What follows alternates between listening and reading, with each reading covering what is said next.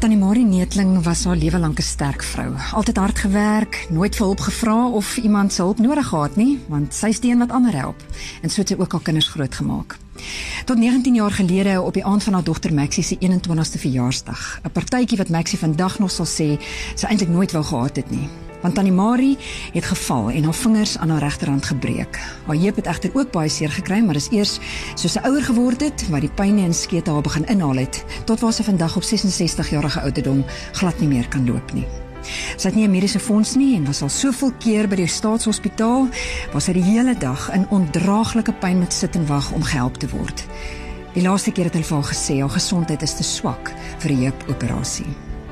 Haar dogter Maxie het begin om van handgemaakte artikels te verkoop tot plastiekdoppies saam met haar kollegas in te samel om op 'n manier vir haar ma 'n beter rolstoel te kan koop. Die tannie se arms is te swak om die wiele van 'n gewone rolstoel te draai en Maxie kan nie meer sien dat haar ma net die hele dag lê en nêrens heen kan gaan nie. Nou ons span is op die oomblik by Maxie se werk by Cosmo Industrial in Silverton.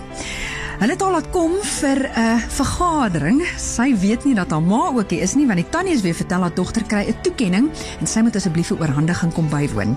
Die verrassing wat wag, danksy ons vriende van Capital Singers, is dus vir beide van hulle.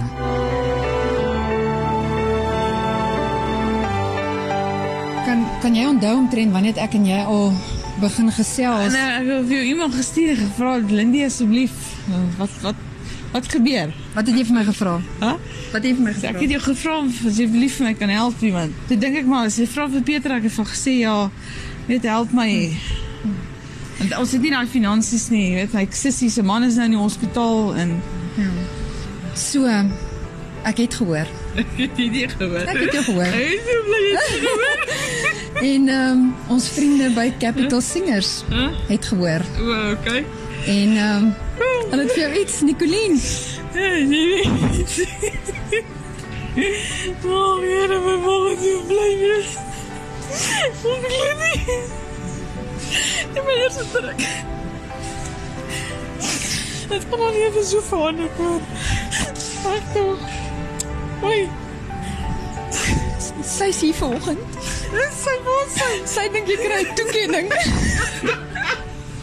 So jy Julle gaan self nou vir haar die stoel gee. Oei, net tog. Is jy reg? Ons is kom heilig.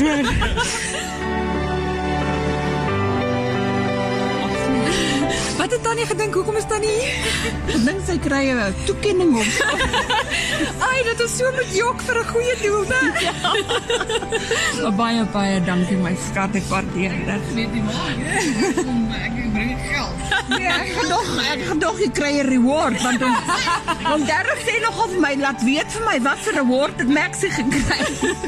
Maar baie baie dankie. Ek waardeer dit. So ek dink ons gaan nou vir ehm um, vir Tannie kans gee om bietjie daai wiele uit te toets. Ons sê baie baie dankie vir Capital Singers, vir elkeen wat daai konsert gaan bywoon of hulle stemme gee om te sing. Uh dis julle wat vandag hierdie vreugde en dankbaarheid moontlik maak vir hierdie gesin. Ons sê vir julle dankie en gaan kyk asseblief die volgende vertoning pragtige Kersliedere die 7de en 8de Desember. Dankie Capital Singers.